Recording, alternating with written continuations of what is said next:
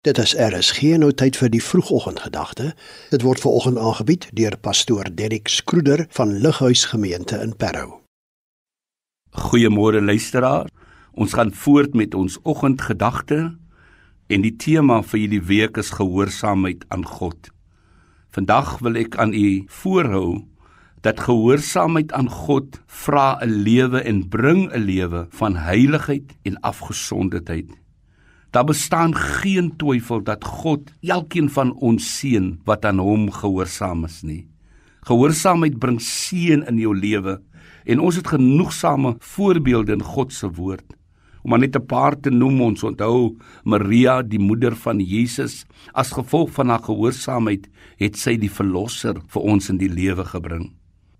Ons herinner ons aan Hanna wat God gevra het vir 'n seun en as gevolg van haar gehoorsaamheid het God dit aan haar gegee al was hy ook dan op 'n stadium vals beskuldig deur die priester. Daar is Dawid, daar is Job, daar is Nehemia en daar is Paulus en die lys gaan aan en aan.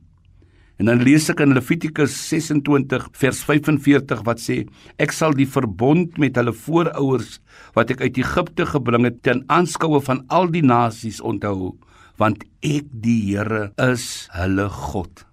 Dit is dan juis toe Israel hulle sonde bely het, hulle afgesonder het, dat God hulle beloftes vervul het.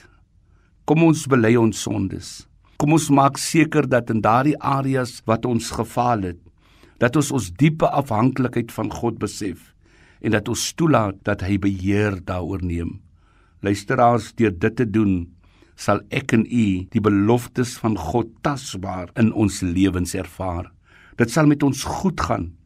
Ons sal geseënd wees en meer nog, ons sal 'n seën vir iemand anders wees.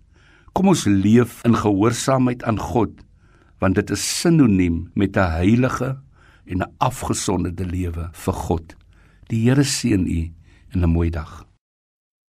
Dit was die vroegoggendgedagte hier op RSG, aangebied deur pastoor Derrick Skroeder van die Lighuis Gemeente in Parow.